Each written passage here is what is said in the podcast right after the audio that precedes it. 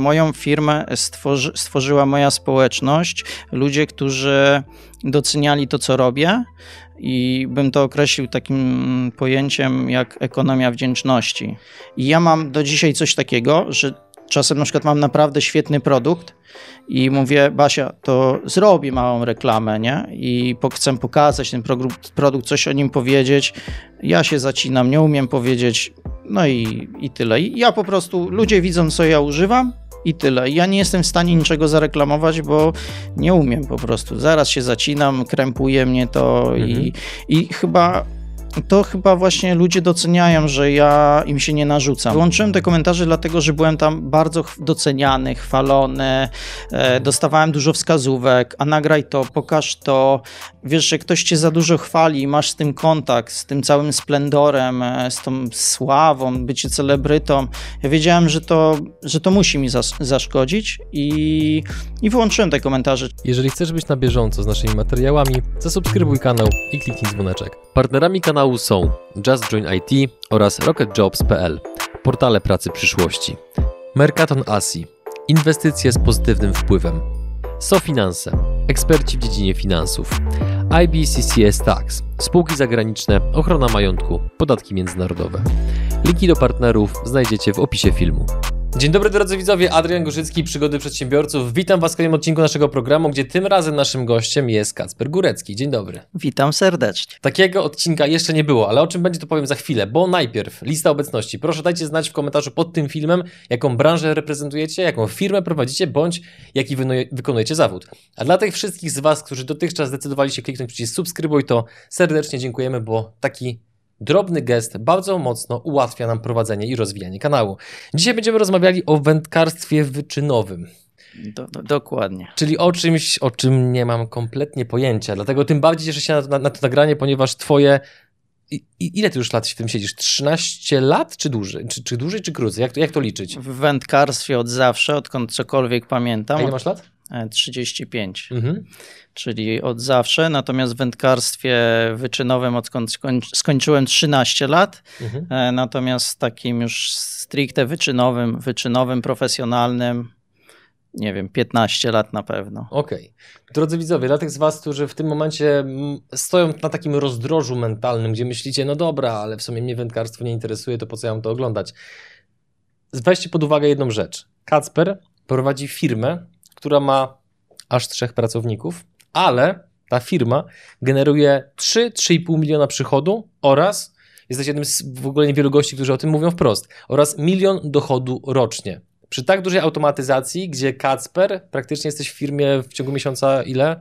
Jeden dzień, dwa dni? Odbieram tylko zamówienia mhm. dla, na moje potrzeby. To jest towar, który potrzebuję na zawody, na moje wyjazdy, natomiast jako szef to w firmie nie byłem nigdy prawdopodobnie. No właśnie. W roli szefa nigdy. Jak tego dokonał, to o tym dzisiaj będziemy rozmawiali, więc mam nadzieję, że ta informacja jednak spowoduje, że stwierdzicie, że warto zainwestować najbliższych kilkadziesiąt minut w obejrzenie tego nagrania. Powiedz, jak to się zaczęło, że zbudowałeś biznes wokół swojej pasji? Bo to jest takie, bo to jest marzenie generalnie wielu osób. Zacznę od tego, że miałem bardzo dużo szczęścia. To jest najważniejsze. Okłamałbym, jakbym od tego nie zaczął. E, to było tak, że ja jestem produktem, mm, można powiedzieć, polskiej edukacji, która chyba do dzisiaj się nie zmieniła. I ja, będąc już na, jeszcze na trzecim roku studiów, nie wiedziałem, co to jest faktura, nie wiedziałem, że można mieć firmę i naprawdę, możesz mi nie wierzyć, ale nie wiedziałem, co to jest firma. Pamiętam pierwszy wykład na uczelni, gdzie to chyba dziekan rządzi wydziałem, gdzie dziekan e, mówił o tym, co po moich studiach, to była wtedy ochrona środowiska, co my możemy robić. No i tam było, że mogę tu, tu, tu i tu pracować. No i był trzeci e, rok studiów. Tak się składało, że byłem najlepszym jakby mm, studentem e, na wydziale, czy tam na kierunku. Wynikało to nie z tego, że tak bardzo lubiłem się uczyć, tylko z tego, że to był e, mój sposób na zdobywanie pieniędzy, które mogłem przeznaczać na ryby. Po prostu wtedy jeszcze były bardzo wysokie stypendia naukowe. Teraz chyba już tego nie ma. Wtedy to, wiesz, z tych stypendiów wyciągałem tysiąc, czasem dwa tysiące złotych to były ogromne pieniądze gdzieś tam w latach 2007-2008 i było mnie stać, żeby jeździć na ryby. Nie musiałem, wiesz, chodzić gdzieś do pracy. Ja, ja w życiu pracowałem tylko przez dwa tygodnie, można powiedzieć. No, pilnowałem w nocy restauracji przez mhm. dwa tygodnie. Potem byłem zwolniony, bo prawie ją spaliłem niechcący, bo musiałem podkładać do pieca i, no i coś tam mi zgasło. Wyjąłem ten węgiel, węgiel z powrotem gdzieś wrzuciłem do stodoły, no ale tam był jakiś żar, wiesz, i w ostatniej chwili to znaleźli, jak już była taka kupa żarzącego się węgla, nie? Mhm. Także, no i to była moja taka, można powiedzieć, ostatnia, pierwsza i ostatnia praca. No i co? Byłem sobie na tych studiach. Ja, całe moje życie to jest łowienie ryb. Ja, ja się na niczym nie znam, ja nic, nic nie umiem. Ja umiem łowić tylko ryby. No, teraz to już wiadomo, troszeczkę więcej, ale, ale jakby wszystko się od tego zaczęło. No i wiesz, pasja ma to do siebie, że poznajesz, e, jest o tyle fajna, że niezależnie jaka to jest pasja, to są tam różne grupy społeczne ludzi. Tam są, no po prostu, jakiej, jakiej profesji byś nie wymienił, to ja na pewno znam e, fajnych, topowych ludzi z tej branży. No i miałem to szczęście, że jako wędkarz się rozwijałem. Poznawałem wielu kolegów, którzy mi namawiali, załóż firmę, załóż firmę, ale jakoś kompletnie, e, w, kompletnie w to nie wierzyłem, tak? Nie wierzyłem w siebie, aż w końcu poznałem e, tak, Michała, którego serdecznie pozdrawiam, który mnie zmusił do założenia firmy. Zrobiliśmy to w ten sposób, że on powiedział, że pierwszy rok poprowadzi to na siebie. Michał ze wszystkim mi pomógł, wszystko ogarniał. Dowiedziałem się, co to jest faktura e, i po roku mi to po prostu wszystko przekazał i zmusił mnie. Ja, ja nigdy bym nie założył firmy, bo ja nie, nie wierzyłem w siebie, wiesz. Moim, ja umiałem się tylko uczyć i już miałem jakby zagwarantowaną pracę na uczelni, także wiesz. Mhm. To, no i tak, i tak, tak się zaczęło. Dzięki, że jesteś z nami i oglądasz nasze filmy. Chcielibyśmy przekazać Ci krótką informację. Przygody przedsiębiorców to nie tylko wywiady. Na co dzień zajmujemy się przede wszystkim wideomarketingiem na YouTube. Jeśli chcesz, aby Twoja firma zaczęła generować lidy z platformy, która zrzesza ponad 20 milionów użytkowników w samej Polsce, to wejdź na przygody.tv i sprawdź, jak możesz z naszą pomocą skorzystać z potencjału YouTube'a, zanim zrobi to Twoja konkurencja. Powiedz mi, jak to się stało, bo to jest na pewno zagadka, czy zagadka, pytanie, które zadało sobie wielu naszych widzów i słuchaczy. Jak to się stało, że mm, tak poukładałeś firmę, że po pierwsze jesteś w niej tak rzadko, patrząc na taką, wiesz, zaangażowanie czasowe. Po drugie, jest w niej tak mało pracowników. I po trzecie, jest ona tak dochodowa, zwłaszcza patrząc w przeliczeniu na zespół, który stanowi firmę. Trochę myślę, że to się samo tak zrobiło. Samo. tak. To powiedz, jak się samo to robi, to też to zrobię. Dziesięć razy. Kiedy rozmawialiśmy przed nagraniem, e, wspominałem ci, że od dwóch lat tak naprawdę wiem, co to jest marka osobista. Kanał na YouTubie mam od 10 lat i ja przez te wszystkie lata, kiedy dzieliłem się moją pasją e, z ludźmi, moim doświadczeniem, e, pokazywałem mój rozwój, moją przygodę, e, ja tak naprawdę budowałem markę osobistą, ja tego nie wiedziałem. I... Czyli robisz to nieświadomie? Jakby tak, nieświadomie zdecydowanie, zdecydowanie robiłem to nieświadomie i no i wiadomo, przy okazji miałem firmę, jakieś swoje produkty. One nie zawsze były idealne, szczególnie na początku. I ludzie, to, to jest tak, tak, abym powiedział, moja firma tak, to będzie bardzo dobre określenie. Moją firmę stworzy, stworzyła moja społeczność, ludzie, którzy doceniali to, co robię, i bym to określił takim pojęciem jak ekonomia wdzięczności. Ja sobie tego nie, gdzieś to usłyszałem, bardzo ale to, ładne ale to bardzo, bardzo, ładnie. bardzo ładnie to oddaje, że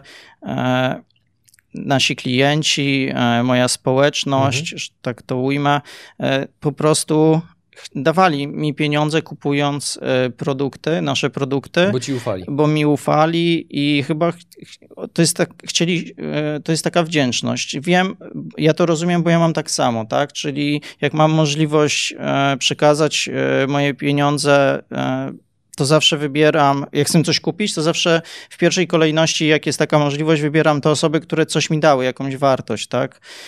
Jeżeli oglądam jakiś kanał na YouTubie, lubię twórcę i ten twórca napisze książkę, to ja tą książkę zawsze kupię. I, I, myślę, że sukces mojej firmy to jest właśnie to, że e, ludzie doceniali e, to, co robię, a ja na, tak naprawdę nie robiłem nic szczególnego. To, to trzeba podkreślić, że ja nie dawałem jakiejś, ja nie mogę powiedzieć, że ja dawałem jakąś wartość, nie wiem, to jest za duże słowo moim zdaniem. Ja po prostu pokazywałem, jak łowię ryby i jak się tym bawię, jak się tym cieszę. To takie banalne, ale... Czy pokazywać taki trochę proces swojego rozwoju? Jakby... Tak, kanał na YouTubie to jest jakbyś, jak jest pierwszy odcinek, to widać, że tam jest młody chłopak, który no, no taki dzikus, który umiał łowić tylko ryby, no, no i tylko tyle i nic więcej. Nawet nie mogę powiedzieć, co tam zobaczysz, bo nic więcej. Zobaczymy młodego chłopaka, który łowi ryby i który to kocha.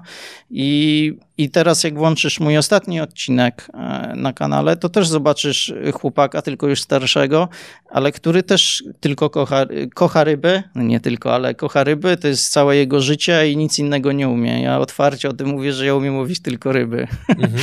Dlatego, wiesz, obawiałem się tego wywiadu, bo kurczę, ja umiem tylko łowić ryby. Tak? Ale jak się okazuje, no i to jest wiesz, też potwierdzenie tego, co można słyszeć i spotkać w wielu różnych mądrych książkach, że e, gigantyczne skupienie na jednej dziedzinie długofalowo może dać ci dużo większe efekty niż skakanie z kwiatka na kwiatek, gdzie co chwilę uczysz się nowej umiejętności. Oczywiście ja nie, nie twierdzę, że jedna metoda czy druga jest lepsza bądź gorsza, bo znam ludzi, którzy są tak zwanymi, jest takie ładne, proste słowo, multi-instrumentalistami, nie wiem, czemu ludzie tak się określają, czyli że po prostu, wiesz, potrafią robić wiele różnych rzeczy, nie? I oni też odnoszą sukcesy, ale są też tacy ludzie, jak na przykład właśnie ty, gdzie masz gigantyczne skupienie na jednej dziedzinie, masz w związku z tym zdrowy biznes, szczęśliwe życie, robisz to, co kochasz. To jest piękne. Tak, ja jestem takim e, chodzącym, żywym przykładem tego, że koncentrując się ekstremalnie na jednym, można osiągnąć bardzo dobre efekty. I w moim przypadku, bo chyba o tym nie wspominałem, to ja zajmuję się niezwykle wąską niszą, bo wędkarstwo samo w sobie jest niszą. Ja zajmuję się tylko wędkarstwem spławikowym, co już jest niszą w samym wędkarstwie, a ja, zaj a ja jestem wędkarzem wyczynowym, spławikowym. To już jest kompletna nisza w niszy czy to jest kolejny... nisza w niszy niszy? Tak, o, trzeci okay. poziom. Mhm. Także to jest. Ja od razu też wytłumaczę, że wędkarstwo wyczynowe e, to z wędkarstwem ma tyle wspólnego generalnie, co jazda autem e, i rajdy samochodowe. To jest już jakby sport, mhm. wędkarstwo. Znaczy ja kocham wędkarstwo jako takie, natomiast e, mam też duszę taką, że lubię rywalizować. To chyba wynika z moich kompleksów w dzieciństwie. Nie wiem, tak mi się wydaje, że miałem jakieś kompleksy i zawsze miałem coś do udowodnienia i no i tak, i to jakby, wiesz, ta, to, co, to, to, że miałem coś do udowodnienia, te kompleksy i pasja, i to jak się połączyło razem, to wyszedł taki wędkarz, który lubi rywalizować. Mhm. I ja to pokochałem, i dla mnie to jest taki sens życia. O, mhm. to, powiedz w kilku zdaniach, na czym polega wędkarstwo wyczynowe, bo nie wiem jak widzowie czy i nasi słuchacze na podcastach, ale ja na rybach to byłem trzy razy w życiu z moim wujkiem Zenkiem, który de facto obsługiwał cały proces, a ja po prostu siedziałem obok i patrzyłem na spławik, czy on już się zanurzył, czy jeszcze nie. I to była moja styczność z wędkarstwem, więc tym bardziej chętnie bym się dowiedział, na czym polega w ogóle wędkarstwo wyczynowe. Tutaj nie będę miał problemu, żeby to wytłumaczyć, bo to jest bardzo proste. Przyjeżdża grupa zawodników nad, nad łowisko, mhm. jest losowanie stanowisk. Stanowiska są oddzielone od siebie o 10-15 metrów i lepszy jest ten, który złowi więcej na wagę, czyli wrzucamy ryby do takiej obszernej siatki, żeby sobie tam komfortowo pływały, żeby im się żadna krzywda nie stała, potem są ważone i potem są wypuszczane. I ten zawodnik, który uzyska lepszą wagę ryb, ten wygrywa, zajmuje mhm. lepsze miejsce. To w takim ekstremalnym uproszczeniu. Mhm. Jaki, jakie masz osiągnięcia w tej dziedzinie, którymi mógłbyś się pochwalić? Moim największym osiągnięciem to jest to, że się rozwijam dla mnie, ja tak uważam cały czas. Że jesteś no to, szczęśliwy. Tak, to nie lubię mówić o moich sukcesach, natomiast jakbym miał tak wymienić jeden, to wraz z trzema moimi kolegami wygraliśmy drużynowe zawody, które są największymi zawodami wędkarskimi na świecie, Italian Masters i tam startowało około tysiąca wędkarzy. Mhm. Także to jest taki mój największy sukces sukces, ale, ale to jest. Wiesz, z tymi sukcesami takimi pojedynczymi jest tak, że one cię cieszą jeszcze może jeden dzień po tych zawodach, a to ja to porównuję do skoków e, narciarskich, czyli jeżeli Kamil Stoch raz wygrywa, za tydzień ma kolejne zawody, potem kolejne, kolejne i on już nie pamięta o tych, które były wcześniej. I na pewno nie żyje tym, że był mistrzem olimpijskim, tylko żyje kolejnymi zawodami.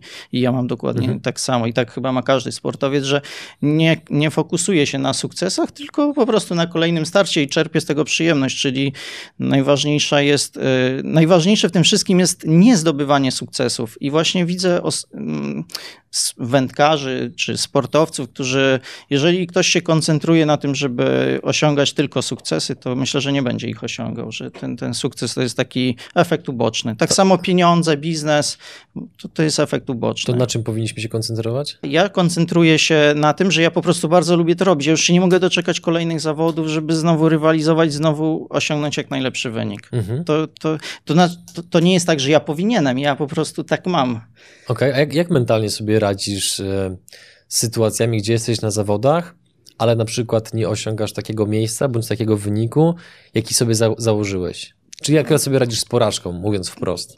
Myślę, że radzę sobie bardzo dobrze i to jest coś, e, co moja społeczność, którą, która się wokół mnie stworzyła, e, właśnie najbardziej docenia, że ja pokazuję przede wszystkim moje porażki i oczywiście też sukcesy. Ja jestem zawodnikiem transparentnym, czyli jeżeli e, mam swoje social media, e, to ja tam publikuję wszystko, wszystkie moje porażki, sukcesy i, i wiesz, to chyba mi też pomaga, że jeżeli tą porażkę masz w sobie, to ona tam gnije w środku, a jeżeli y, pokazujesz, dzielisz się tym, to jakoś to jest tak jak nie taka spowiedź przed... E, Cenne zdanie.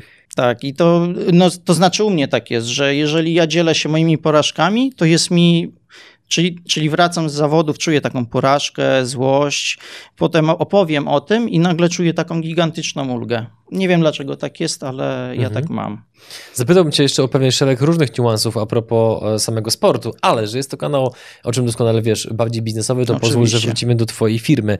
Mm, troszeczkę jeszcze podrążę temat tego, w jaki sposób poukładałeś procesy, że trzech pracowników może praktycznie ogarniać całą firmę jednocześnie tak mało cię absorbując czasowo już na tym etapie teraz. Tak jak powiedziałeś wcześniej, w początkowych latach pracowałeś bardzo dużo, to jest jasne. Natomiast w którym momencie, bądź jakie momenty, jakie decyzje spowodowały, że mogłeś się z tej firmy aż tak bardzo wycofać operacyjnie i tak naprawdę wiele rzeczy dzieje się po prostu troszeczkę, wiesz, w tle. Jak to zrobiłeś? Od razu powiem, że to nie ja zrobiłem. Tu miałem bardzo dużo szczęścia, bo poznałem wspaniałą kobietę, e, która mi to wszystko ogarnęła. E, I ten moment taki przełomowy to właśnie było to, jak ją e, poznałem. Basię pozdrawiamy serdecznie. Pozdrawiamy Basię. Słuchaj, ma na imię tak jak moja mama, nie? To jest to. Ba Basie są spoko, naprawdę. No, aż tutaj widzisz, że głos mi się trochę za, e, załamał. To jest taka ciekawa historia, że jak poznałem Basię, to firmę miałem rok. Firma miała 100-120 e, tysięcy obrotu i e, jeżeli dobrze pamiętam, 80 tysięcy złotych niezapłaconych faktur. tak, Ała. tak, ja wiesz, ja byłem takim świeżakiem, że jak trafiłem na rynek, to od razu trafili do mnie wszyscy ci, którzy gdzieś indziej by nie dostali po prostu towaru, a ja, mm, wiesz, Zaufałeś. zaufałem. Znaczy, dla mnie to było oczywiste, że ja wystawiam, daję komuś towar, a potem wystawiam fakturę, a potem ktoś mi za to zapłaci, ale to tak nie działało zupełnie.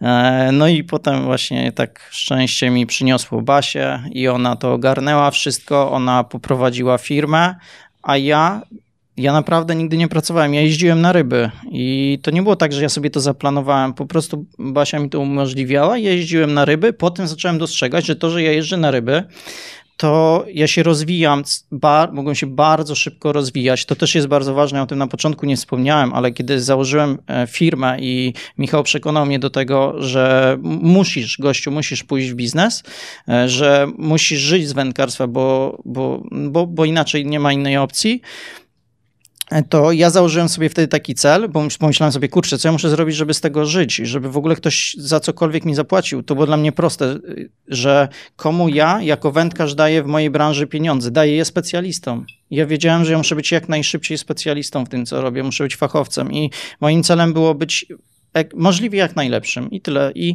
i i to było na początku bardzo trudne, bo musiałem bardzo dużo pracować, tworzyć te produkty.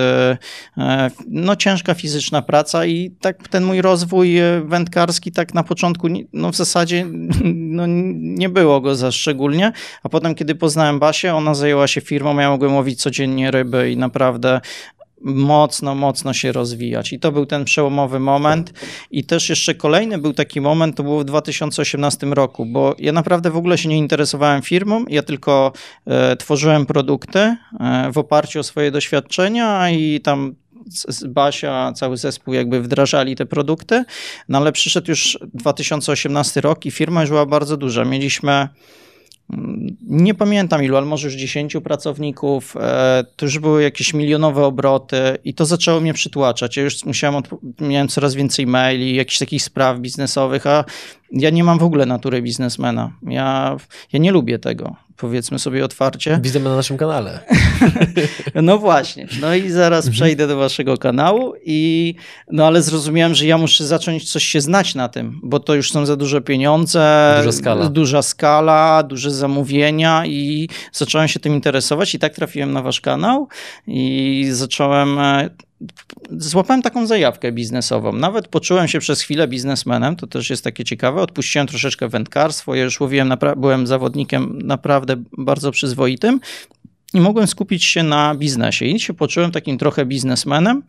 No i nagle firma w ciągu roku podwoiła wręcz swoje obroty. Jak zacząłem się tym, wiesz, interesować, y, korzystać z wiedzy, którą między innymi zdobyłem na waszym kanale e, i nagle to zaczęło przynosić takie spektakularne efekty. Tylko, że ja szybko zrozumiałem, że jak ja będę się zajmował tym biznesem, to nie będę łowił ryb. Że nie da się, no bo nie pogodzę tego. I jakby, i teraz to, co bardzo ważne, ja nie rozwijam już firmy, ja ją hamuję. Moja firma to jest na takim zaciągniętym hamulcu ręcznym, a hamuję ją w ten sposób, że jeszcze bardziej się fokusuję, czyli skupiam się jeszcze, jeszcze bardziej wąsko na tym, co robimy. Nie? I to też jest w ogóle sukces tej firmy, e, jest taki, że ja nigdy nie myślałem jak biznesmen, poza tym jednym rokiem. Czyli jeżeli ja się znam tylko na takim wąziutkim e, wycinku tego wędkarstwa, jestem tym specjalistą, to ja konsekwentnie tylko tym się zajmowałem i, i oferowałem naszym klientom tylko to, na czym się bardzo dobrze znam. I nie miałem takich, nigdy nie szedłem za żadnymi trendami, modami, natomiast moja konkurencja, której na początku miałem bardzo dużo, ona się bardzo mocno rozproszyła, bo wszyscy poszli za różnymi trendami, modami i oni się rozproszyli i nagle się okazało, że są wszyscy od wszystkiego. A, a jak ktoś jest od wszystkiego, to się chyba od mówi niczego. troszkę od niczego. I, a ja zająłem się i konsekwentnie budowałem swoją ofertę, markę osobistą i tak dalej. I teraz uważam, że jeżeli ktoś chciałby być w moim miejscu, to jest to, e, to, to jest właśnie ten mój komfort, ta niezależność, że e, nie da się tego kupić pieniędzmi. Marki osobistej nie da się kupić, nie da się stworzyć takiej oferty e, szybko. Trzeba to wypracować latami. Tak, i to jest tam ten mój komfort, że właśnie, że, że mam mhm. tak, taki, taki spokój. Tak? Powiedziałeś bardzo ciekawe zdanie, zwłaszcza, że, jest, że jesteśmy na naszym kanale, e, że nie myślałeś jak biznesmen oprócz tego jednego roku. Tak. Powiedziałeś, że między innymi nie podążałeś za trendami, tylko szedłeś swoją drogą. Ale co jeszcze robiłeś takiego innego z twojej perspektywy, co w opinii innych ludzi mogłoby stanowić takie pewnego rodzaju zaprzeczenie, pewne łamanie zasad, pewnych takich, wiesz, reguł, a ty przez to, że szedłeś swoją drogą i nie patrzyłeś na to, co robią inni, to osiągnąłeś takie wyniki. Jakie jeszcze takie inne elementy mm, działy się w twojej głowie, gdzie właśnie miałeś poczucie, że działasz inaczej niż inni? To, co mnie najbardziej wyróżnia, to jest to, że ja e, z niczym się nie narzucam. Jakby mój marketing, że tak powiem, e, jest taki, w zasadzie go nie ma. W sensie jest bardzo spokojny. Ja. Oprócz potężnego kanału na YouTubie. Właśnie. I to chciałem powiedzieć, że to jest właśnie kwestia e, tej marki, którą stworzyłem na YouTubie, ale też zaznaczę, że nie tylko na YouTubie, bo mam blog, piszę artykuły i, i myślę, że to mnie wyróżnia, że ja w, tych, e, w tym moim, powiedzmy, marketingu, w tym budowaniu marki osobistej, czyli powiem tak, to wszystko ładnie biznesowo, a w praktyce to wyglądało tak, że ja chciałem się dzielić wiedzą i tyle. I ja mam do dzisiaj coś takiego, że czasem na przykład mam naprawdę świetny produkt i mówię, Basia, to zrobię małą reklamę, nie? I chcę pokazać ten produkt, coś o nim powiedzieć.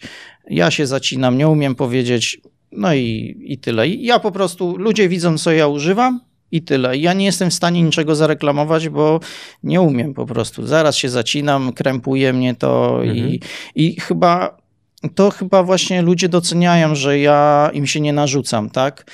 Ja też nie robię niczego dla publiczności, czyli jeżeli ktoś ogląda nasze filmy, to musi czuć to, że e, ja to robię, bo mam na to ochotę, że ja idę sobie na ryby nie dlatego, że mam nagrać odcinek, tylko ja chcę iść na ryby, że e, ja się przekazuję e, moją wiedzę, doświadczenie nie dlatego, że chcę zdobyć kolejnego klienta, tylko dlatego, że ja lubię po prostu się tym dzielić. Tak, ja, tak mógłbym być chyba nauczycielem, także mhm. się dobrze w tej roli czuję. Zawsze tak miałem po prostu. I to mnie najbardziej chyba wyróżnia, że jeżeli wejdziesz na nasz film, tam nigdy nie będzie linku do naszego sklepu, ja nigdy nie zaproszę do naszego sklepu, ja nigdy nie poproszę o żadnego lajka, o, o to, żeby ktoś nas oglądał. I myślę, że ludzie to też doceniają. Też jeszcze to jest bardzo ważne, że jak tworzę kanał na YouTubie, to ja robię go tak, wszystkie filmy są tak jakby dla mnie. Ja jestem y, najważniejszym widzem tego kanału, to jest mój pamiętnik. To jest, ja to robię i ja sam oglądam potem te filmy i to wielokrotnie. To jest mój pamiętnik i, i ludzie po prostu oglądają e, nasz pamiętnik mhm. z, z, mojego wędkowania, z mojego rozwoju. Cały kanał na YouTubie, te 10 lat, to jest moja historia. Czyli dobrze rozumiem, że ludzie, którzy chcą znaleźć waszą ofertę, po prostu Muszą oglądają film, wychodzą z tego filmu, wpisują wyszukiwarkę Kasper Górecki tak. i znajdują po prostu przed waszą stronę internetową, sklep i tak dalej. Oczywiście. Nie ma z YouTube'a jakby bez, z filmów przekierowania mhm. E, do sklepu czy na stronę. A nie uważasz, że to inaczej? Chciałbym zrozumieć filozofię, która za tym stoi. Ja już ją powiedziałem. To jest, mhm. te, to jest ten hamulec ręczny. E, A, to jest okay, ten hamulec ręczny, bo okay. ja wiem, że. Ale wiesz, ale ja bym nie był wtedy spójny ze sobą, ja bym się z tym źle czuł.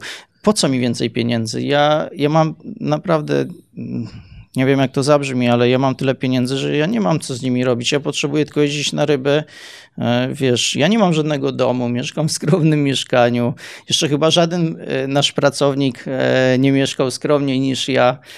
Także mhm. mi pieniądze jakby nie są potrzebne. Dla mnie pieniądze to jest tylko takie poczucie komfortu, że, że nie muszę się o nie martwić i tyle. Też od, od razu powiem szczerze, że ten hamulec ręczny e, trzymam po to, że kiedyś jak przyjdą trudniejsze czasy, to wiem, że mogę dać więcej z siebie, tak? Czyli puścić ten hamulec, jak będzie jakiś kryzys, dać z siebie więcej, bo ja mam też takie podejście e, między innymi na YouTubie i cała moja filozofia biznesu jest taka, żeby się ludziom nie narzucać, żeby e, nie wiem, czy to rozumiesz, ale e, jest wiele narzędzi, z których wiem, że mógłbym korzystać i one by mega rozwijały e, nasze dochody, ale ja z nich nie korzystam i, a może skorzystam wtedy, kiedy na przykład z jakiegoś powodu miałoby, miałoby mhm. mi to być potrzebne. Mhm.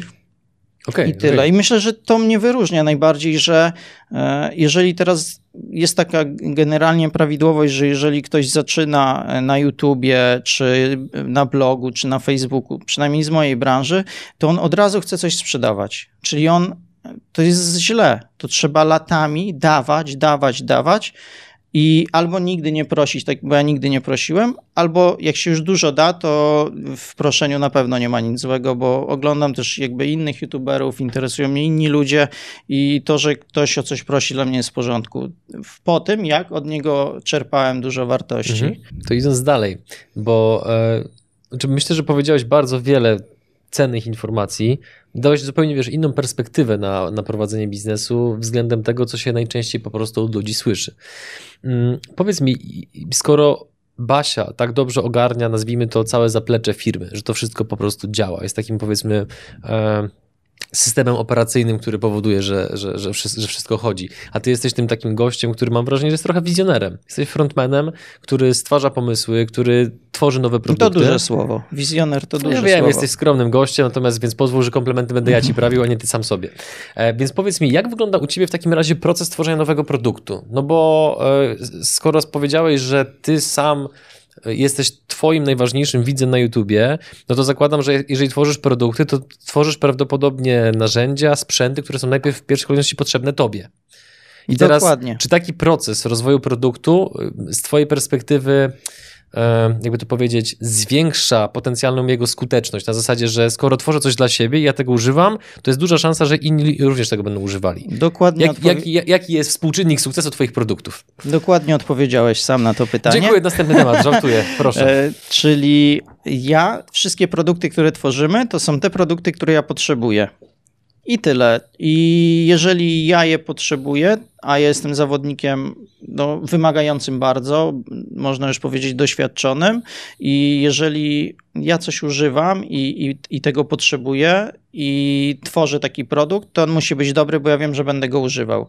Nigdy nie było tak, że na przykład mam produkt swojej marki, i bym go stworzył tylko po to, żeby zarabiać pieniądze, a sam bym go nie używał, tylko używałbym produktu innej firmy. To się nigdy nie zdarzyło i to, to jest bardzo ważne. A produkty powstają z potrzeby, mojej potrzeby, nie widzów, e, tylko ja jestem wyczynowcem, zawodnikiem, jadę na zawody i nagle się okazuje, kurczę, zabrakło mi takiego spławika. I ja go zaraz projektuję, zgłaszam się do firmy, do producentów, e, oni przygotowują prototypy, ja je testuję, no i potem powstaje produkt finalny. To jest mhm. bardzo proste, tutaj jakby nie, nic nie jest skomplikowane. Ile plus minus stworzyłeś produktów w swojej karierze? Nie wiem, ze 100. Nie mhm. wiem, zależy, y, wiesz, bo to zależy, czy rozumiemy tu grupy produktowe, czy konkretne produkty. Bo jeżeli konkretne produkty, to ponad 100, a jeżeli chodzi o grupy produktowe, y, jeżeli chodzi o, tak, o grupy produktowe, no to kilkanaście, może mhm. dwadzieścia. I powiedz mi, wszystkie te produkty są cały czas w waszej ofercie i cały czas się sprzedają, czy musieliście jakieś z nich po prostu zakopać? Rzadko się to zdarza. Zdarza się czasem, że produkt jest taki tak ekstremalnie niszowy, że jeżeli ja mam potem zamawiać 500 sztuk tego samego produktu i on ma nam zawalić jakąś tam część magazynu, no to z niego już tam rezygnujemy, ale to mhm. nawet nie przypominam sobie jednego takiego produktu. Okay. czyli jeżeli już rezygnujecie z produktu, to dlatego, że na przykład zbyt wolno rotuje, bo jest zbyt, zbyt, zbyt specjalistyczny. Tak, albo wiesz, czasem jest tak, że ten produkt jest na tyle niszowy, że jeżeli na, na, rynek go trafiła jakaś konkretna ilość, ona jest wystarczająca i nie ma sensu z powrotem jakby, żeby to wracało do magazynu i do obrotu, mhm. bo rynek jest już tym produktem też nasycony. Przejdźmy do kolejnego tematu, o którym pokrótce rozmawialiśmy jeszcze przed nagraniem. Inwestowanie. To się super wiąże z tym, co powiedziałeś przed chwilą, że e, masz trochę pieniędzy odłożonych, że nie do końca jakby wiesz, co z nimi robić, więc skąd to się bierze? Nie masz takiego właśnie po, po, takiej potrzeby, takiego poczucia, które znowu można spotkać w rozmowach z większością przedsiębiorców, że jak wiesz, komuś leży luźna bańka na koncie, to aż się trzęsie, żeby jakąś nieruchomość kupić, czy trochę złota, albo może jakieś inne aktywa. Jak to wygląda u ciebie? No, jak to w twojej głowie się dzieje? Ja ogólnie mam zajawkę na inwestowanie, dlatego że wokół tego na YouTubie są bardzo charyzmatyczne osoby. Mhm. Pan Iwódź, Trader21 i wiele, wielu innych nawet ciekawych gości na waszym kanale, którzy dużo o tym e, rozmawiają i generalnie mnie to jakby jest dla mnie wszystko ciekawe i tak dalej. Natomiast e, największą, najważniejszą zasadą inwestowania e, jest to, że jeżeli się czegoś bardzo dobrze nie umie, się tego naprawdę nie ma dużej wiedzy na ten temat, to lepiej tego nie robić. Ja z tej zasady korzystam. Natomiast bardzo dobrze znam się na moich produktach, na mojej branży. Mam tutaj ogromną wiedzę i praktycznie każdy produkt, który stworzę, to jest gwarancja sukcesu, bo on po prostu jest świetny, no to, to ja wolę jakby te nadwyżki finansowe e, jakby przekładać w nowe produkty. I to, mhm. to jest moje, czyli jeżeli ktoś, ja uważam, że inwestowanie jest dla osób, które nie mają alternatyw.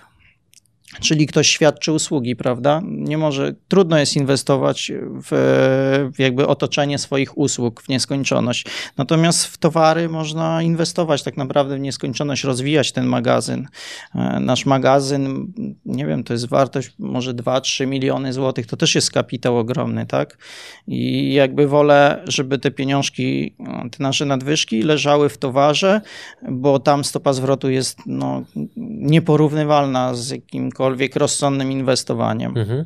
A co byś powiedział osobie, która by się ciebie zapytała, Kasper, a co z dywersyfikacją? E, u mnie dywersyfikacja, ale nie, nie finansowa, tylko e, taka, bym powiedział, mm, e, wizerunkowa, czyli jakby nie ma, jestem inaczej powiem. Jeżeli ja nie będę mógł łowić ryb i z tego żyć, to moje życie nie ma sensu. Więc od tego zacznę. Koncentrowałem się tylko na dywersyfikacji tej e, mm, mojego wizerunku, e, tego jak jestem postrzegany i zasięgów, e, które są potrzebne, to, to jest paliwo dla naszej firmy i dlatego jakby nigdy nie koncentrowałem się na samym YouTubie, tylko zawsze pisałem blog, e, prowadzę Facebooka, mailing, no i to wszystko w zasadzie. Mhm. Także to, to, jest jedyna dywersyfikacja Czyli w moim życiu. swój marketing. Tak, no, mhm. nie lubię tego słowa, ale tak to się nazywa, więc e, mhm. to, to jest jedyna dywersyfikacja. Natomiast mówię tutaj jakby biznesowo czy finansowo się nie dywersyfikuje, bo nie wyobrażam sobie siebie jakby w innej e, mhm. roli tutaj. Dlaczego nie lubisz słowa marketing? Wiesz, dlatego, że całe życie rozmawiam z wędkarzami tylko o rybach i wszystko, co brzmi inaczej niż po wędkarsku, to jest dziwnie dziwnie tutaj przychodzi. Okej, okej. Okay, Dlatego. Okej. Okay. Słuchaj, pogadajmy chwilę, e, zanim przejdziemy do tematu twojego kanału i to w jaki sposób między innymi właśnie kanał pośród innych mm, działań marketingowych był dźwignią dla twojego biznesu, to porozmawiajmy chwilę o Basi. O, to bardzo chętnie. Bo e, duet, który wytworzycie, to jest, mam wrażenie, takie spełnienie marzeń dla większości przedsiębiorców, czyli jest bardzo wyraźny podział ról, nie wchodzicie sobie prawdopodobnie w kompetencje. Ona prawdopodobnie nie kocha łowienia ryb tak samo jak ty. Tak samo ty nie czujesz się tak dobrze w prowadzeniu biznesu jak ona. Więc jest podział idealny.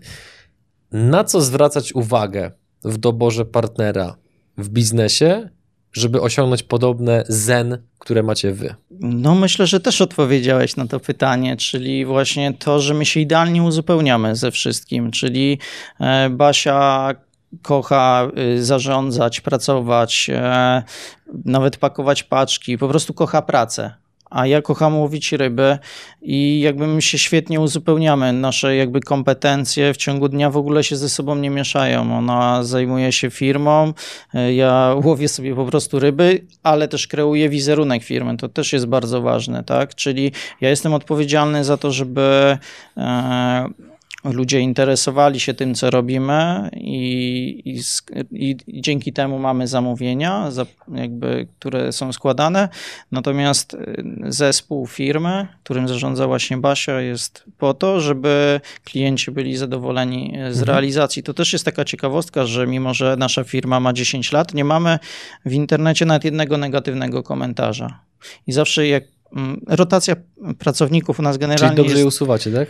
Nie, nie, naprawdę robimy wszystko i zawsze jak kogoś przyjmujemy do pracy, to, to zawsze Basia chyba o tym to zaznacza, że to jest dla nas priorytet, żeby ten status utrzymać, że mhm.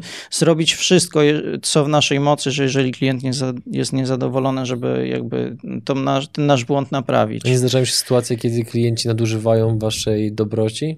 Nie. I tutaj jest, mogę też, to, to jest ciekawe, że mm, my tworzymy markę premium. E, tworzymy drogie produkty i nie dlatego, że sobie wymyśliłem, że będziemy robili drogie produkty, tylko dlatego, że ja takich używam. Używam produktów wysokiej jakości. One są drogie i mamy. No, nie wiem, czy to z tego wynika, ale ja mam takie wrażenie, że my w naszym sklepie nie zdarzają się malkontenci. Po prostu my mamy naprawdę no, przemiłych, wspaniałych klientów. Ja nie wiem, no przez 10 lat to na palcach dwóch rąk można policzyć jakieś spięcia, e, wiesz, z ludźmi. a jeżeli rozmawiam z moimi znajomymi z branży, to tam te problemy często są na porządku dziennym, tak? A u mhm. nas nie wiem, czy to wynika właśnie z tego, że nie wiem z czego to wynika, ale nie mamy jakby mhm. problemów, tak? Z tym związanych. Wracając do Basi. E, powiedziałeś o tym, jak się różnicie pod kątem kompetencji, ale ja jeszcze podrążę. Mhm. Mm, jakie cechy charakteru u Basi z twojej perspektywy pozwoliły ci podjąć decyzję, że chcesz razem z nią prowadzić firmę. Bo to, że ktoś ma jakieś kompetencje, to jest jedno, ale no charakterologicznie też taka osoba powinna być w pewnym stopniu z nami spasowana. Więc jakie cechy ty u niej dostrzegłeś, które spowodowały, że stwierdziłeś, że chyba będziecie dobrymi wspólnikami? to było trochę inaczej. Ja poznałem Basię, i ona jest, kiedy poznałem Basię, e, to następnego dnia ona już chciała ze mną jechać na ryby, a jak już była ze mną ileś razy na rybach, to, to potem mówiła, to pojedziemy, zobaczymy, wiesz, zabierz mnie do pracy. No i zabrałem ją do pracy i ona nie pytając stanęła na produkcji, zaczęła przygotowywać wszystko, nasypywać glinę do woreczków, zanęty, zaczęła pracować, ja już po prostu nie miałem wyboru. Także to nie jest, że to był jakiś mhm. plan, że ja dobierałem sobie, wiesz, partnerkę pod biznes, to po prostu szczęście, no ja tak trafiłem, ja jestem naprawdę farciarzem, nie? Mhm. I po prostu to jest kobieta, która kocha pracę, także jestem szczęściarzem. No, o takiej kobiecie może marzyć ka każdy facet, że no nie, masz jakąś pasję, ale masz firmę, tak? I nagle poznajesz kobietę, która ogarnia ci wszystkie twoje problemy, bo wiesz, e, ja nienawidzę tych e, zajęć operacyjnych w firmie, tak? Czyli te kreowanie, tworzenie, to wszystko jest fajne, przyjemne, ale te Papiery, zajęcia... dokumenty, urzędy. No to jest okropne. No. To ja tego nienawidzę. I Basia to wszystko ogarnia, ona to lubi. Mhm. Są takie osoby, które widać to lubią, ona to, to, ona to uwielbia po prostu. Ona jest chora, jak nie może pójść do firmy pracować, mhm. albo jak wyjeżdżamy gdzieś. Wiesz, ja, ja na przykład mam tak, że potrafię miesiącami w ogóle nie nie myśleć o firmie. Wiesz, co tam się dzieje, mam takie zaufanie do, do zespołu, że w ogóle o nic się nie martwię. A Basia, ona, wiesz, cały czas wiesz, jest żyje, tak, żyje tym, nie? Mhm. Także. Przejdźmy do twojego kanału na YouTubie w takim razie, e, który generuje bardzo równe wyświetlenia, po kilkadziesiąt tysięcy per odcinek. E, natomiast jak ja sobie twój kanał analizowałem, no to nie ukrywam, że zrobiłem wielkie oczy, jak e, zobaczyłem coś, czego nie spotyka się zbyt często na innych kanałach dowolnej branży, już nawet bez podziału, masz wyłączone komentarze tak. pod każdym filmem. Tak, nie, nieprzypadkowo. Dlaczego, panie Kacprze? Więc tak, e, teraz to już mam wiele powodów dlaczego. Natomiast zaczęło się to pewnie kanał ma już 10 lat, to komentarze wyłączyłem pewnie 8 lat temu. Wtedy jeszcze nie, ja przynajmniej nie znałem słowa hate. E, wyłączyłem te komentarze dlatego, że byłem tam bardzo doceniany, chwalony, e, dostawałem dużo wskazówek, a nagraj to, pokaż to e, i tak mnie to przytłoczyło. I jakby ja, no mówię, te filmy zacząłem robić dla siebie, to, tak jak ja chcę to robić i, i zrozumiałem, że po pierwsze, nie chciałbym, żeby ktoś mi e, jakby mówił, co mam robić, bo nie miałem takiego poczucia, że robię to dla kogoś, bo w ogóle 10 lat temu nikt nie zaczynał YouTube'a ze względu na jakiś marketing, e, wiesz, to, to nikt w ten Nadal sposób... jest to rzadkość. To, ale wtedy to nikt o tym nie myślał, to była zabawa. To dla każdego była zabawa i dla mnie to tak, nie, nie chciałem, żeby mi ktoś coś mówił, ale myślę, że to było mniej ważne, a, a bardziej decydujące było to, że e, czułem, że to mnie zmienia na gorsze, że ja się wiesz, że ktoś cię za dużo chwali i masz z tym kontakt, z tym całym splendorem, e, z tą sławą, bycie celebrytą. Ja wiedziałem, że to, że to musi mi zas zaszkodzić i, i wyłączyłem te komentarze. Czyli ja na dzień dzisiejszy uważam, że filmy są do oglądania, a to, co my publikujemy, to są filmy. Tam jest wstęp, jest, e, jest e, rozwinięcie, jest zakończenie. W każdym odcinku jest pokazana nasza konkretna przygoda, konkretna relacja z jakichś zawodów, prywatnego wędkowania. I ja nie widzę powodów, żeby e, ktoś miał to komentować. To nie jest tak, że nasze filmy są interakcją z widzami. E, tam nie ma interakcji. Ja po prostu. To jest typowy pamiętnik. Tak, to jest, taki, to jest tak, taka historia, tak, pokazana. I no to trochę tak, jak masz film w telewizji czy w kinie, no tam też nie możesz go, możesz wrócić sobie do domu i komentować na Filmwebie, powiedzmy. To tak samo nasze filmy są komentowane oczywiście. Czy to dostajemy maile, czy wiadomości na Facebooku, czy na, czy, czy na innych mediach. Także to nie jest tak, że nie można ich skomentować Natomiast y, jakby na, na, na YouTube e, taką podjąłem decyzję i uważam, że dobrze zrobiłem, bo oddziaływanie, patrz, to już jest 10 lat, jeżeli przez 10 lat czytałbym, jaki jestem wspaniały i jaki świetny, a to na pewno byłyby już setki, tysiące, dziesiątki tysięcy takich komentarzy, nie, to nie wiem, czy by to na mnie dobrze wpłynęło. Czuję, że ja jestem taki jak 10 lat temu, nie zmieniłem się, no bo nie miałem się jak zmienić, jeżeli ja, y, wiesz, na rybach ja jestem, stanowisko jest hermetyczne, tam nikt za bardzo nie wchodzi, ja nie mam kontaktu ze swoimi widzami, e, jestem do tego stopnia introwertyczny, że nie pokazuję się w ogóle na targach wędkarskich. Wiesz, w ogóle ja jakby to też wynika z mojego charakteru, nie? że jakby mnie to krępuje. Czyli często mam takie sytuacje, nawet dzisiaj w Bydgoszczy dwa razy się zdarzyło, że wędkarz mnie zatrzymał. O, pan Kasper, w ogóle się pana to nie spodziewałem, w ogóle wiesz, to, to miłe jest, ale to dla mnie jest zawsze bardzo krępujące. I to jakby takie odizolowanie się jest dla mnie bardzo wygodne. I myślę, że z perspektywy czasu też y, Nikt nie ma do mnie absolutnie o to pretensji, ale to, to był początek. Natomiast teraz dostrzegam e, wiele innych e, korzyści tego, że nie ma, no bo później jednak pojawił się już w internecie hejt i na przykład co ja, no bo lubię oglądać jak każdy YouTube i no i co tu dużo mówić, ale jakość komentarzy akurat w waszej branży jest dobra, e, czyli w biznesie, marketingu, nie ma co gadać, większość komentarzy jest na, na wysokim poziomie. Natomiast tak w wędkarstwie to tak powiedzmy też nie jest najgorzej, ale jest ta, różnie. Jest różnie powiedzmy. Natomiast, ale wiesz, ja uważam, że e, ta anonimowość powoduje, że ludzie nie dbają o tą jakość wypowiedzi. Dla mnie to jest ważne, żeby szanować innych, żeby ładnie się wypowiedzieć i, i na Facebooku jest już zupełnie inaczej. Tam są też, dostajemy setki, dziesiątki komentarzy i, I zawsze jakoś to wszystko jest fajnie, to wygląda, ale dlatego, bo tam już, no wiadomo, można być wszędzie anonimowym, ale no, raczej nikomu się nie chce zakładać konta na Facebooku, żeby kogoś tam zhejtować i tak dalej, tak? Mhm. Także to, to jest kolejna kwestia.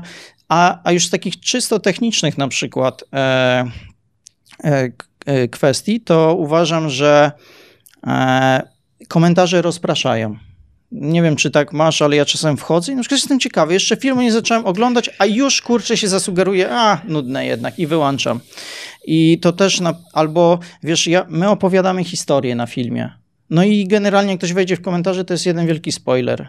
To też nie jest. A tak nikt nie wie, jak mi poszło, wiesz, co mhm. się wydarzyło, i on ogląda, on jest jakby ten, ten widz już jest na starcie, wiesz, zaciekawiony, bo on nie wie, co się wydarzy. Także to, to też moim zdaniem jest, jest y, ważne. To, czyli tak jak film. Y, nie, jak idziesz, y, nie chciałbyś na film webie przed pójściem do kina przeczytać, o czym był ten film, prawda? Ani za, ale też myślę, że nie do końca chcesz się sugerować, czy ten film jest ciekawy, no bo już masz kupione bilety, a tam przeczytasz, mhm. że to jednak no, ten film nie jest ciekawy. A może ktoś, kto to napisał, e, wiesz, nie do końca miał rację. Bardzo ciekawy punkt widzenia. Ja, ja Jeszcze byłem... też Proszę? uważam, że e, nawet ze względu na, czyli, bo się mówi, że mm, te komentarze są ważne na przykład dla algorytmu i tak dalej, to mój kanał jest dowodem na to, że wcale nie są aż takie ważne, tak? Że my mamy, średnia ilość wyświetleń jest większa niż mamy widzów, także to, to nie jest tak do końca. I też uwa- ale Niż macie subskrybentów. Tak. Mhm. I to wynika z tego, że mamy niesamowity watch time i i to, to jest współczynnik utrzymania uwagi, tak? To tak się tak. nazywa. To ten współczynnik utrzymania uwagi mamy przy kilkudziesięciominutowych filmach na poziomie 50%. To jest bardzo dużo. To jest bardzo dużo i mamy bardzo duży watch time. A teraz, gdybyśmy mieli komentarze, liczba wyświetleń byłaby większa, ale łatwo sobie wyobrazić procent, jakby spadał procent utrzymania uwagi, bo by tam ludzie ze sobą, wiesz, konwersowali, by tylko wchodzili i ten film by nie był takim miejscem, gdzie, gdzie ktoś by wszedł obejrzeć ten film, tylko by wchodził, coś coś tam kliknąć, napisać, wychodził i to mhm. myślę, że to też jakby e, wcale, czyli nawet pod kątem technicznym to wcale dla algorytmu nie musi być takie świetne. Chociaż nie jestem tu absolutnie Aha. żadnym specjalistą, jeżeli o to chodzi. Myślę, że większym niż nie jedna osoba, która działa na YouTubie. Natomiast ja odbyłem a propos YouTube'a setki rozmów naprawdę z różnymi ludźmi i powiem ci, że takiej perspektywy na to, czy komentarze na przykład powinny być włączone, czy też nie, to jeszcze od nikogo nie słyszałem, więc dziękuję ci za to publicznie, bo myślę, że to też spowoduje, że ja przemyślę pewne sprawy. Nie wiem, czy jestem gotów, żeby komentarze wyłożyć pod filmem. Nie wiem, czy jestem tego gotów zrobić i sobie, naszej firmie, widzom i tak dalej, aczkolwiek korzyści, o których mówisz, one faktycznie są znaczące. Niemniej, pozostając jeszcze w YouTubie, powiedziałeś przed nagraniem, że e, użyję takiego enigmatycznego sformułowania, że zdradzisz naszym widzom sekret sukcesu na YouTubie. Co zrobić, żeby się w pewien sposób wybić? Trochę już o tym mówiłem, e, żeby, może żeby się wybić to nie, ale trzeba być e, sobą przede wszystkim. E, już w ogóle pomijam tak oczywiste rzeczy, jak to, że YouTube to jest maraton, tak? Tam, jeżeli ktoś uważa, że nie wiem, jest oczywiście możliwe, że w rok się wybijesz i, tak, i osiągniesz sukces, i to może nawet nie jest wcale takie trudne, ale utrzymanie się w dłuższej perspektywie. Inaczej, uważam, że jeżeli szybko osiągniesz na YouTubie sukces, to potem będzie ci trudniej. E, natomiast jeżeli będziesz działał małymi kroczkami, to będzie ci dużo łatwiej. Nasz kanał to jest typowe step by step, czyli malutkie kroczki, po 100 subskrybentów tam na początku na rok, potem e, na miesiąc. Teraz też te przyrosty, my od 10 lat wszystko jest takie stałe, ale zawsze w górę, tak? E, to, to na temat tej wytrwałości, że trzeba być nastawionym na to, że to jest ten maraton. To jest ekstremalnie e, ważne. Natomiast no, Kurczę, trzeba mieć coś ciekawego. Myślę, że największym problemem jest to, yy, osób, które chcą zadziałać, na, zdziałać coś na YouTubie, jest to, że chcą tam coś zdziałać. Że to jest największy problem, a, a nie pomyślą, czy tak naprawdę mają coś ciekawego do powiedzenia, do jakąś historię, do przekazania, jakąś wiedzę, umiejętności. I i chyba to, to jest takie najważniejsze, że trzeba naprawdę tworzyć coś, co kogoś może zainteresować. To, to nie jest, czyli widzisz, to nie jest żaden sekret, tak? Trzeba, no i, no i to, co moim zdaniem dyskwalifikuje e, youtuberów, coś czego to, to jest niestrawne, to jest to, że wchodzisz na jakiś kanał i już po którymś odcinku czujesz, że ktoś to robi, no bo on, e, nie wiem, zrobił, bo sobie wymyślił, że będzie youtuberem, ma jakiś format, będzie na tym zarabiał, tak? A, a ci, którzy naprawdę tam odnoszą jakieś konkretne wyniki, sukcesy, to są osoby, które mm, mają jakąś misję tak jak pan Iwuś na przykład. Tak, ja, ja, ja uwielbiam oglądać jego filmy i ja czuję, on podkreśla cały czas, że, że ma misję, ale ja w to wierzę. Co z tego, że on to, mówi, ale ja w to wierzę. I, mhm, i to jest. To. Tak, ja to czuję. Jeżeli ja uważam, że jeżeli oglądam kogoś i czuję, że, przynajmniej ja tak mam, jeżeli ja czuję, że ktoś to robi, bo taki ma model biznesowy, to mi się, to Obejrzę tylko to, co mnie interesuje, czyli chcę zdobyć jakąś konkretną wiedzę i wyjdę z tego, ale nie będę się z tą osobą mhm. utożsamiał, tak? I to jest takie najważniejsze, żeby e, robić, mieć taką no misję. Ja mam taką misję, potrzebę. Może u mnie to nie jest misja, u mnie to jest, ja to lubię po prostu robić. Lubię opowiadać, pokazywać. Zawsze ktoś do mnie nad wodą podejdzie, zagadam, to ja zaraz, wiesz, się wkręcam, wszystko pokazuję, po prostu to uwielbiam, tym żyję, tak? I jeżeli ktoś podchodzi do YouTube'a, że, że on będzie YouTuberem, bo teraz jest taka moda, to moim, no są osiągnie, być może się wstrzeli, będzie miał fajny pomysł, osiągnie jakiś sukces, ale, ale ten sukces szybko rozmieni na drobne. I to jest bardzo bardzo charakterystyczne na, na, na YouTube, że e, pewne kanały osiągają sukces i bardzo szybko się rozmieniają na drobne. I to wynika z tego, że na początku jest ta motywacja wewnętrzna, czyli ktoś to lubi, go to kręci, e, a nagle pojawiają się pieniądze. I, po, I ta jest i motywacja wewnętrzna, i ta motywacja zewnętrzna. One się nie lubią, te motywacje.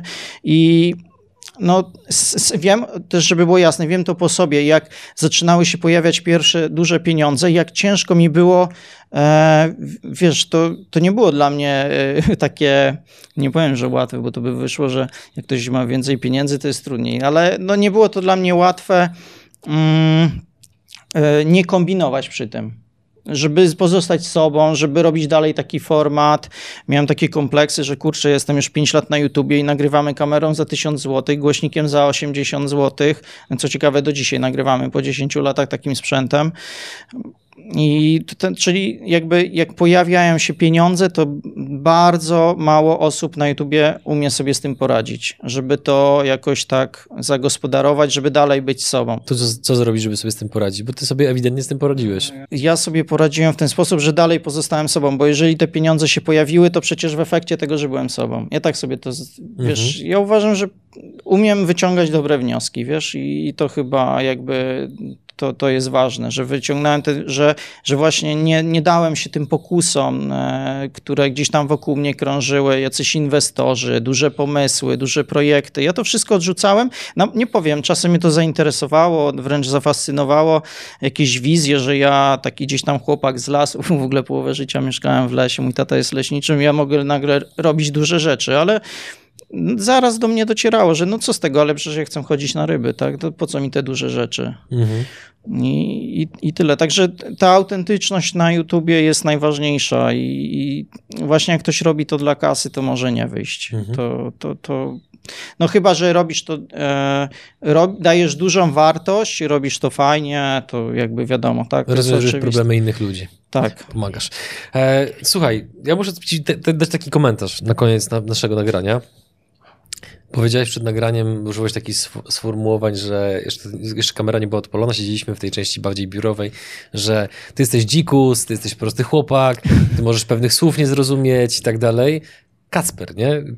Kurczę, no ja jestem oczarowany tą rozmową. Serio, jest w tobie masa, masa mądrości, a, która jeszcze w połączeniu ze skromnością i pokorą powoduje, że tym bardziej chce się tego słuchać, więc y, rozmowa z tobą dla mnie była ogromną przyjemnością, nobilitacją i zaszczytem, więc cieszę się, że znalazłeś trochę czasu, żebyśmy e, pogadali, bo naprawdę wiele wniosków, które, z którymi się tutaj podzieliłeś, myślę, że mogą mieć wpływ na niejedną osobę. Więc szczerze Ci w imieniu swoim i naszych widzów i słuchaczy dziękuję. No, dziękuję. Bardzo miło, że tak uważasz, bo naprawdę bałem się, wiesz. Czego? No jak, wiesz, no bo ja nie wiem, czy, no nigdy nie rozmawiałem z kimś, e, kto nie, nie łowi ryb. Nie łowi ryb. Na sam koniec powiedz proszę jeszcze naszym widzom, e, pomimo, że wiem, że na tym wam nie zależy, ale to jest u nas standardowa praktyka, więc jeżeli mógłbyś się uszanować, to byłbym ci wdzięczny. Jak mogą was znaleźć, na jakich mediach, co trzeba wpisać? W Google wystarczy wpisać Górek TV mhm. i tyle. I tyle. tak, i każdy znajdzie. Drodzy widzowie, zachęcamy Was do, do, zostawiania komentarzy pod tym filmem. E, Kasprowi naprawdę na pewno zrobi się miło, jeżeli po raz kolejny zobaczy ciepłe słowa pod swoim adresem, które pewnie otrzymuje drogą mailową głównie oraz w innych prywatnych wiadomościach. E, nie możemy dać brawa, ale możemy dać łapki w górę pod tym filmem również. Tymczasem my się żegnamy, dziękujemy Wam za Wasz czas i mam nadzieję, że z tego odcinka również wyciągnęliście dla siebie coś przydatnego. A my tymczasem żegnamy się z Wami. Dzięki Kasper. Dziękuję bardzo.